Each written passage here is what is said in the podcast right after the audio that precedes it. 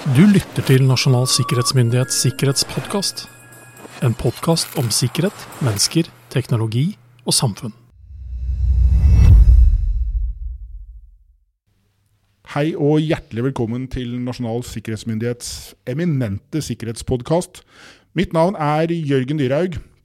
Jeg har latt eh, Roar få fri i kveld, men jeg står ikke her alene. Ehm, Det er ehm, tidligere denne uken, eh, mandag 12. februar, ble Nasjonal sikkerhetsmyndighets årlige risikorapport publisert. Og den heter egentlig ganske enkelt Risiko 2024, og slippes sammen med Politiets sikkerhetstjeneste og Etterretningstjenestens respektive trusselvurderinger. Vår eh, risikorapport i 2022, for to år siden, ble ikke mange dager gammel før Russland invaderte Ukraina og snudde opp ned på hva skal jeg si, hele risikobildet, verdensbildet, eh, i samme moment. Og situasjonen i Ukraina farget også risikorapporten vår i fjor. Hva bringer årets rapport? Og eh, Dette har jeg jo da ikke tenkt å snakke om helt alene, for jeg har invitert liksom, hovedredaktør, kaller jeg deg. Du får jo arrestere meg på om det er riktig.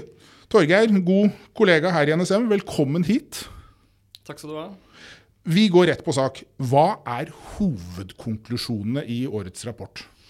Ja, I årets rapport så kommer vi med tre eh, hovedpoenger egentlig, som vi trekker frem. Eh, og det er da at eh, situasjonsforståelsen i samfunnet må styrkes. Eh, at eh, kritisk infrastruktur må eh, skjermes. Eh, og så kommer vi også inn på eh, risikoen knyttet til cybersikkerhet og teknologisk utvikling. Så jeg kan komme litt inn på hver av de tre Ja. hovedpoengene, Ja. egentlig. Ja, veldig gjerne. Eh, Så det vi mener med at situasjonsforståelsen må styrkes i hele samfunnet, det er at virksomheter, både private og offentlige, de må skaffe seg oversikt over sine verdier, sine avhengigheter og relevante trusler. Eh, og det er for at, eh, for at Norge skal kunne sikre seg mot eksterne trusler som eh, spionasje, sabotasje, terror og sammensatte trusler, eh, så må vi først vite hvilke verdier er det vi skal sikre. Det er forferdelig vanskelig å sikre noe du ikke vet om, eller om, som du ikke har reflektert over faktisk krever å sikres. Nettopp. Også, og det er liksom bare sånn i første rekke. Hvilke verdier er det vi har? Men også hvilke verdier er det de eh, eh, Altså hva slags avhengigheter er det de eh, verdiene har? Og da tenker vi på leverandørkjeder i flere ledd utover. Ja. Eh, hvor vi ser at f.eks. kritisk infrastruktur kan ha eh, kritiske avhengigheter til eh, underleverandører.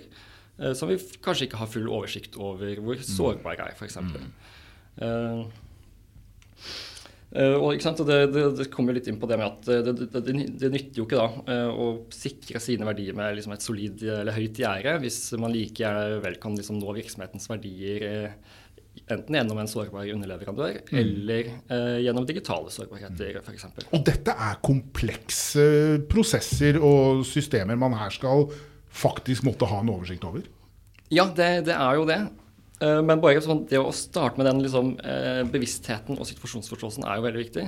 Og så er det et veldig godt rigg for dette for de eh, virksomhetene som har en eh, identifisert rolle for nasjonal sikkerhet. Eh, men så er det jo liksom, denne rapporten er jo også til andre virksomheter der ute, som, men hvor det likevel er viktig, men kanskje ikke, det er ikke et pålagt krav, men det er likevel viktig å være bevisst på Ja. verdier, avhengigheter og uh, sårbarheter og også trusler. Eh, så det, det spiller jo også inn i vår situasjonsforståelse. Hvilke er de aktuelle truslene som kan påvirke oss? Og det er, det er, den situasjonsforståelsen der er jo da liksom en forutsetning for å kunne gjøre et helhetlig og godt eh, sikkerhetsarbeid, som da beskytter eh, våre verdier, eh, som sikrer både vir, altså virksomheter og deres drift, men også da eh, nasjonal sikkerhet og viktige samfunnsfunksjoner. Og det gjør trusselaktørenes jobb vanskeligere. og Det er på en måte det som er, Det er jobben vår å bidra til. Ikke sant? Ja. Sørge for at det da uh...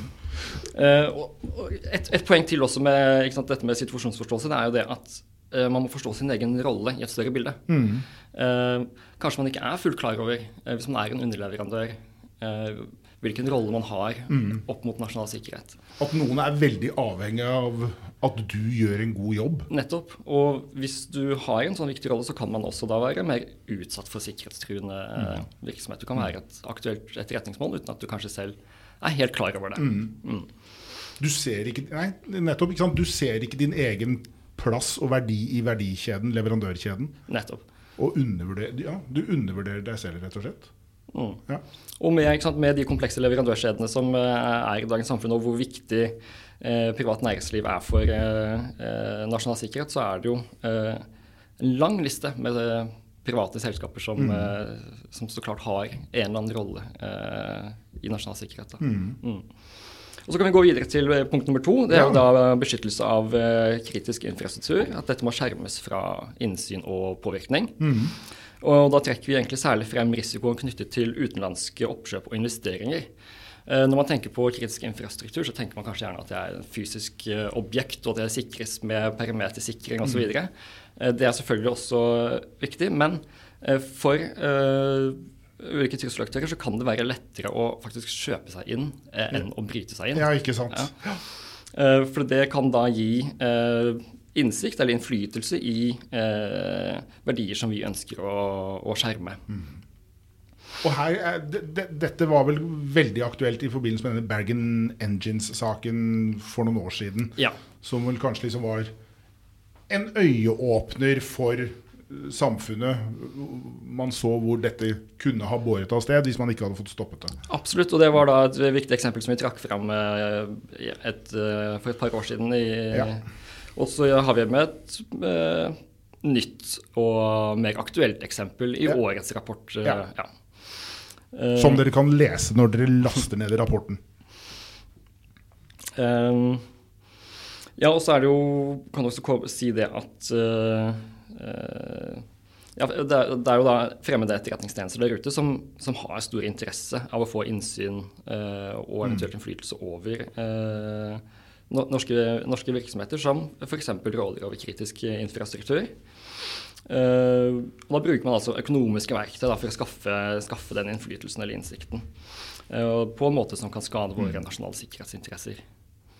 Og det, det er jo en veldig veldig god beskrivelse det du kom med akkurat dette at det er lettere å kjøpe seg inn enn å bryte seg inn. Og det er sånn man, man tenker nesten ikke på at det faktisk er en helt reell mulighet for at det skjer. Ja, ikke sant? Og, og da kan du også trekke en parallell tilbake til det med viktigheten av å kartlegge sine verdier og avhengigheter. Ja. Eh, fordi man, Hvis man ikke vet eh, hva som er viktig å beskytte, så vil man heller ikke klare å skille mellom hvilke utenlandske investeringer er det som er helt uproblematiske, Ja, og- og hvilke er det som kan utgjøre en risiko for nasjonal sikkerhet. For jeg trenger ikke å kjøpe meg inn hos deg som hovedmål. Jeg kan kjøpe meg inn hos en underleverandør som er en del av verdikjeden du er avhengig av. Ikke sant? Mm. Ja. Også, Det er, mye, det er mye å holde orden på her. Ja. Og så avslutningsvis, eller tredje hovedpoenget i årets rapport, er jo da dette med cybersikkerhet og teknologisk utvikling. Eh, og her ser vi jo at i cyberdomenet at den teknologiske utviklingen bidrar til mer effektive og mer avanserte cyberoperasjoner. Eh, og så ser vi særlig at kunstig intelligens eh, muliggjør da automatisering i cyberoperasjoner, eh, men også i spredning av desinformasjon og fabri- fabrikkerte nyheter. Ja. Eh, som da kan spres på en helt annen skala enn vi har sett tidligere. Eh, og dette er jo da noe som kan f.eks. undergrave demokratiske prosesser, hvor man er avhengig av pålitelig og sannferdig informasjon. Mm. eh, 2024 kalles jo valgåret, mm. ja. hvor det er minst 64 land som utgjør Ja, eh, eh, halvparten av verdens befolkning, som skal avholde valg i år. Eh, og Der kommer vi helt sikkert til å se eksempler på hvordan kunstig intelligens eh, brukes for å lage falske nyheter, eller sånne deepfakes f.eks., uh, som har til hensikt å påvirke velgerne i en eller annen retning. Ja, for vi nærmer jo oss skritt for skritt, og så kan vi sikkert diskutere hvor fort eller langsomt disse skrittene går, men vi nærmer oss en, et punkt hvor du kanskje til slutt ender opp med å ikke kunne stole på noe av det du ser eller hører eller leser, for du, du aner ikke om det er Er det reelt? Er det en deepfake? Er dette generert av en eller annen maskinlæringsmodell? Ja, det, det, det utfører jo helt klart uh, viktige prinsipper i, i, vårt demokrati, hvor vi er avhengig av på en måte uh, korrekt informasjon. Mm. Uh, og tillit til myndighetene, tillit til mediene. Mm. så der, her spiller jo da befolk, både befolkningen en viktig rolle med tanke på å, skille, å være skillekritisk, mm. men også redaktørstyrte medier er også viktig i det mm. forebyggende arbeidet. Ja, det, det det, er mye som skjer, og det er, er klart at som jeg jo nevnte innledningsvis, det at vi skriver denne rapporten, det at vi faktisk nå kan gi norske virksomheter, store og små, offentlige og private, denne innsikten, er jo, det er jo et godt tilbud. Er, dette hadde man kanskje ikke kommet på på egen hånd. Nei, og vi vil komme tilbake til det senere også, at denne rapporten i år er kanskje mer relevant for et bredere publikum enn den har vært tidligere. Ja. Mm jeg nevnte innledningsvis uh, krigen uh, som Russland fører i Ukraina, uh, har jo endret verdensbildet i, i, vår del av verden ganske betydelig. Hvordan påvirker krigen mellom Ukraina og Russland innholdet i årets rapport? Ja, Det er et veldig godt spørsmål. Og Russlands angrepskrig mot Ukraina påvirker jo utvilsomt nasjonal sikkerhet her i Norge på flere plan. Eh, så i årets rapport trekker vi jo da frem noen eksempler på, på det. Eh, et eksempel er jo at krigen i Ukraina får konsekvenser for risikoen knyttet til norsk petroleumsvirksomhet. Mm -hmm. Putin-regimet har jo brukt struping av den russiske gasseksporten til Europa eh, som et pressmiddel for å svekke europeisk vilje til å støtte eh, Ukraina politisk og militært. Eh, så Norge har jo da blitt Europas viktigste eksportør av gass og har på en måte hindret litt at uh, Europa har vært så sårbare opp mot mm. russisk uh, press. Mm. Uh, så Det gjør jo også at den sikkerhetspolitiske verdien av norsk petroleumssektor øker. og det øker jo da igjen risikoen knyttet til norsk petroleumsvirksomhet. Mm.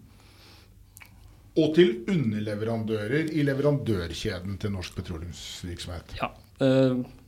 alle mulige virksomheter som understøtter den ja den sektoren på, på, et eller annet vis eh, kan da, har da blitt mer aktuelle etterretningsmål enn før invasjonen av Ukraina. Helt mm. klart. Så mm, vi ser jo da at liksom, og, og, den sektoren er, består også av mange private mm. selskaper, så klart, mm. som da har fått en langt viktigere rolle for både nasjonal og også internasjonal sikkerhet enn en tidligere.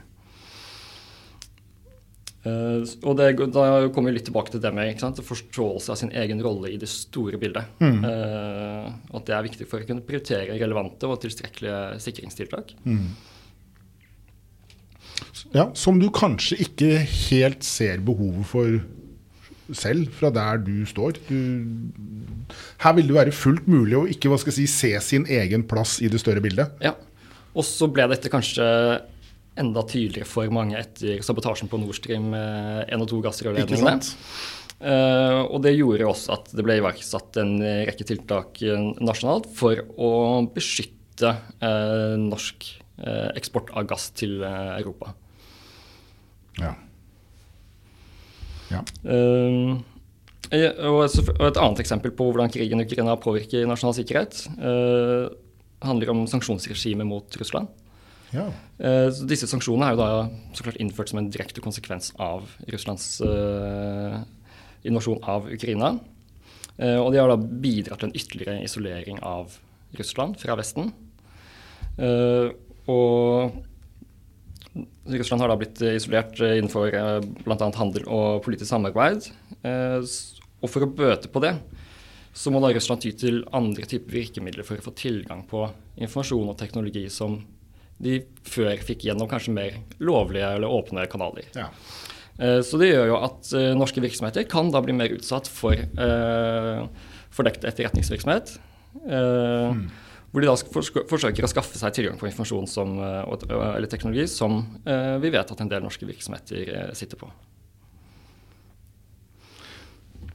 Det er et sett med utfordringer her. Det er, det, det, her er det kunnskap som må på plass. Du må, du må rett og slett liksom vite mer om min rolle, min virksomhetsrolle, inn i et betydelig større utsnitt av verdenskartet enn det du kanskje har tenkt tidligere. dette er en modenhetsøvelse for veldig, veldig mange. Ja, helt klart. Og vi ser jo også at uh, vi har fått inn uh, økt rapportering på mistenkelig og sikkerhetstruende ja.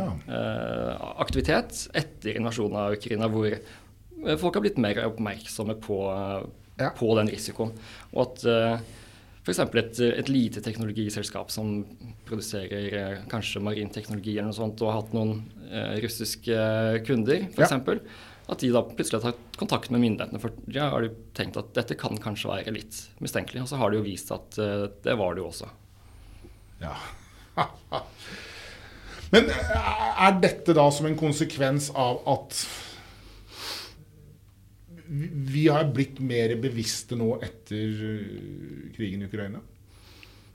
Ja, det vil jeg helt klart si. Det har jo vært en, eh, en tankevekker, og har jo snudd opp ned på europeisk sikkerhetspolitikk, egentlig, og hvordan vi forstår Russland som en, som en trusselaktør. Så, men fortsatt jeg tror det er mange som ikke er fullt klar over sin, sin rolle i, i det store bildet. Og i, i, rapporten så skriver vi at Russlands angrepskrig mot Ukraina, økende stormaktsrivalisering mellom USA og Kina og en stadig tiltagende teknologisk utvikling er utviklingstrekk som får konsekvenser for nasjonal sikkerhet. Er det liksom en sånn oppsummering av det du har sagt allerede? Liksom, det er en urolig verden. Det er avhengigheter der ute som har vært der lenge, men som vi kanskje blir mer bevisst på har blitt mer bevisst på nå som det har bokstavelig talt begynt å røre på seg i våre nærområder? Ja, helt klart. Det syns jeg er veldig godt uh, sagt. For det handler jo egentlig litt uh, om dette å se uh, nasjonal sikkerhet i en helhetlig kontekst. Mm. Så de tre risikoområdene eller faktorene som du peker på der, Russlands angrepskrig mot Ukraina, økende stormaktsrivalisering mellom USA og Kina og tiltakende økonomisk, teknologisk utvikling, Eh, det er på en måte da de store overordnede driverne som eh, påvirker risikobildet her hjemme i Norge. Mm. Eh, vi har allerede vært inne på hvordan krigen i Ukraina påvirker nasjonal sikkerhet, og hva det kan ha å si for enkeltvirksomheter. Mm. Eh, I tillegg så kan det jo også være verdt å nevne at Sverige og Finland har jo nå søkt medlemskap i Nato, mm. Eh, som en direkte konsekvens av Russlands eh, angrepskrig. Der, der ble jo Finland offisielt medlem av Nato i, i, fjor, og så venter vi jo fortsatt på Sverige. Så får vi se hva det leder til. Men dette vil uansett ha stor betydning for eh, styrking av Nato, for Norges rolle i Nato og for mm. nordisk sikkerhetssamarbeid. Mm. Så er det da stormaktsrivalisering mellom USA og Kina. Det er jo helt klart en toneangivende faktor for internasjonal sikkerhet i 2024. Mm.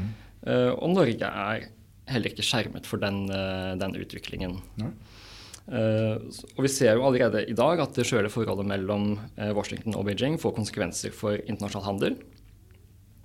Uh, USA og andre vestlige land har jo innført forbud mot import av enkelte kinesiske produkter på bakgrunn av nasjonale sikkerhetshensyn. Ja, og så svarer jo da Kina med samme mynt og forbyr eksport av ulike typer teknologi og råvarer som er viktig i europeisk industri, f.eks.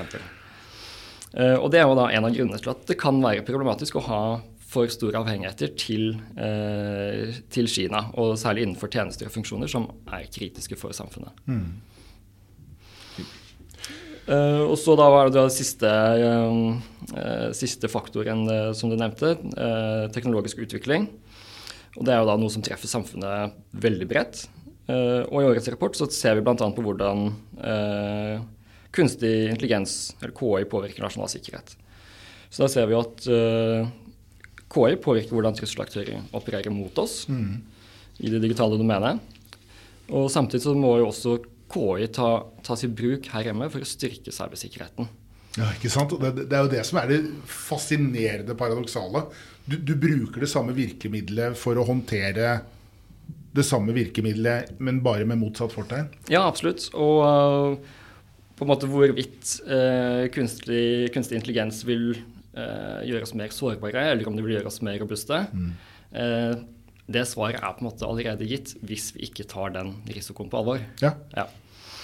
Uh, og også når stadig flere samfunnsfunksjoner tar i bruk KI, mm. så må vi være bevisst på de uh, nye sårbarhetene som er da unike i uh, KI-teknologien. Ja, definitivt.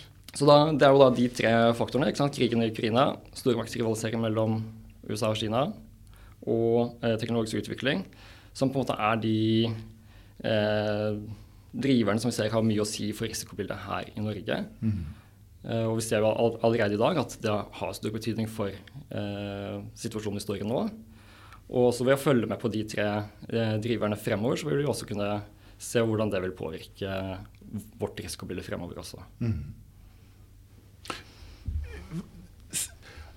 Interessante, fascinerende og litt skremmende perspektiver. For det er hva skal jeg si, det er en utfordring som ikke er lokal, den er jo definitivt global. Og Norge er en del av verden. Vi er jo ikke en liten holme i et kaldt hav langt mot nord. Vi, vi, omgås andre land. Vi er en brikke i et stormaktsspill. Vi er en del, som du nevnte, vi er en bokstavelig talt en premissleverandør for oppvarming og komfort i Europa. Eh, og midt oppi dette står liksom norsk, norsk næringsliv og, og, norske virksomheter. Og vi skriver litt tilbake til det. Vi skriver jo dette at, at norsk næringsliv understøtter også nasjonal sikkerhet. Det, for oss som har jobbet med forebyggende sikkerhet hver dag, så er kanskje ikke dette noen mm. overraskelse. Men jeg tenker jo at det er noen der ute som nå plutselig får et litt annet De, de får en litt annen betydning for å, si, å ta vare på et land en he, med en helt annen kraft enn de kanskje har sett seg selv i. Eh, hva, hva, betyr dette at de understøtter nasjonal sikkerhet? Ja, så Vi ser jo en veldig tydelig utvikling. Eh, det er skille mellom statssikkerhet på den ene siden og enkeltbedrifter og enkeltpersoner på den andre siden viskes ut. Så internasjonal sikkerhet det påvirker eh, enkeltbedrifter og eh, enkeltpersoner mer enn tidligere. Og også enkeltbedrifter kan også ha en større betydning for nasjonal sikkerhet, eh, som vi har vært inne på, enn tidligere. Og den utviklingen drives jo bl.a. av de sikkerhetspolitiske og teknologiske utviklingstrekkene som vi nå nettopp diskuterte. Og det gjør at flere private bedrifter nå har fått økt betydning for nasjonal sikkerhet. Uh, F.eks. bare tenk på hvor mye viktigere norsk petroleumssektor har blitt for eh, Europas siden invasjon av Ukraina. Som du sa, en premissleverandør for mm. eh, energi til europeisk industri og til oppvarming av mm. millioner av hjem. Mm. Og uten den norske gasseksporten så hadde Europa vært langt mer sårbar for russisk press.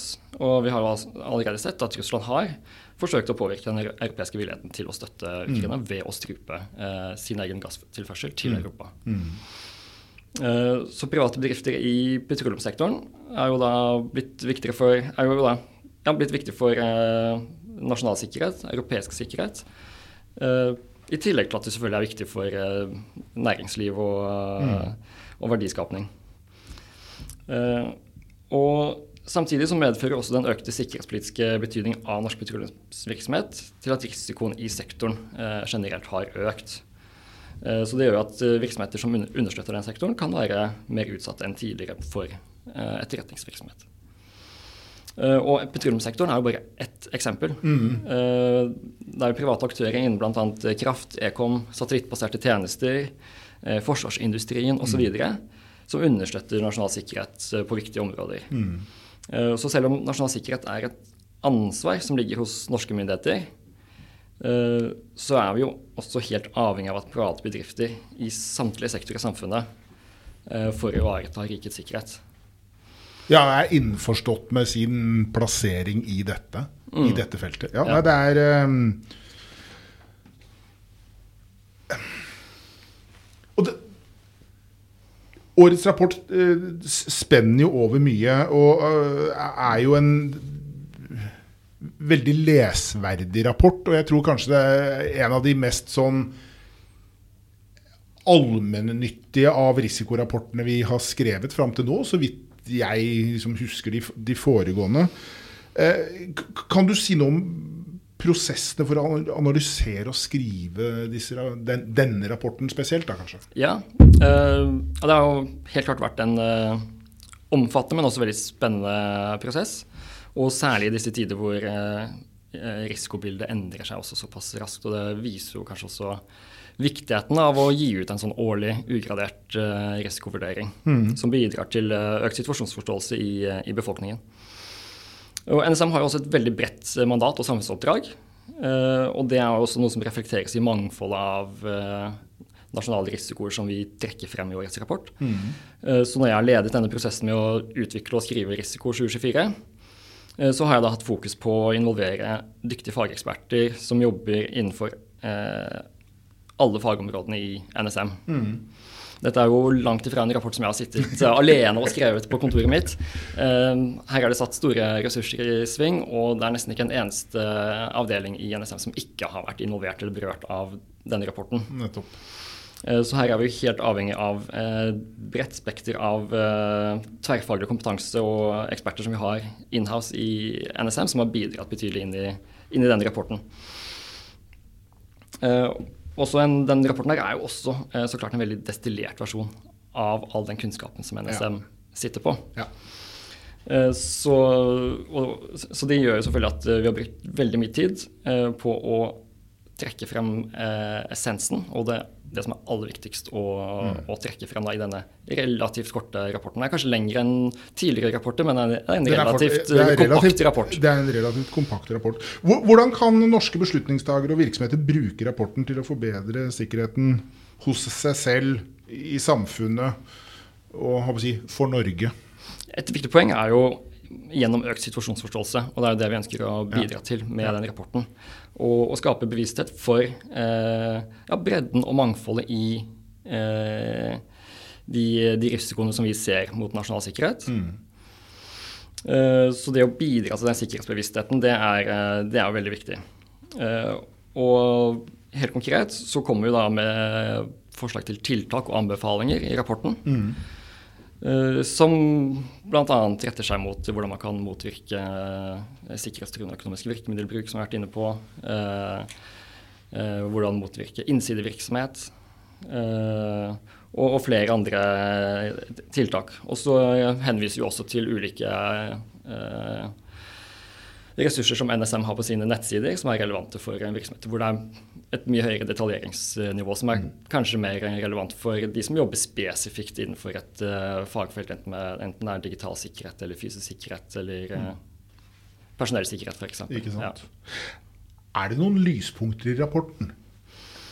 Uh, ja, det er jo det, da.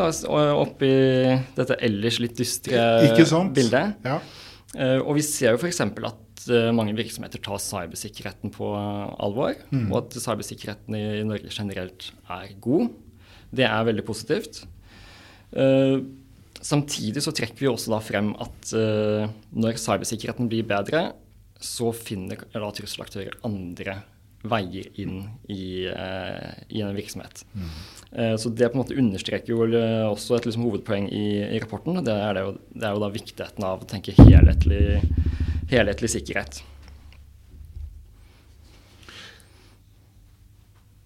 Det er ehm, Jeg tenker det er så langt vi tar det her og nå. Vi må jo bare oppfordre alle om å lese rapporten.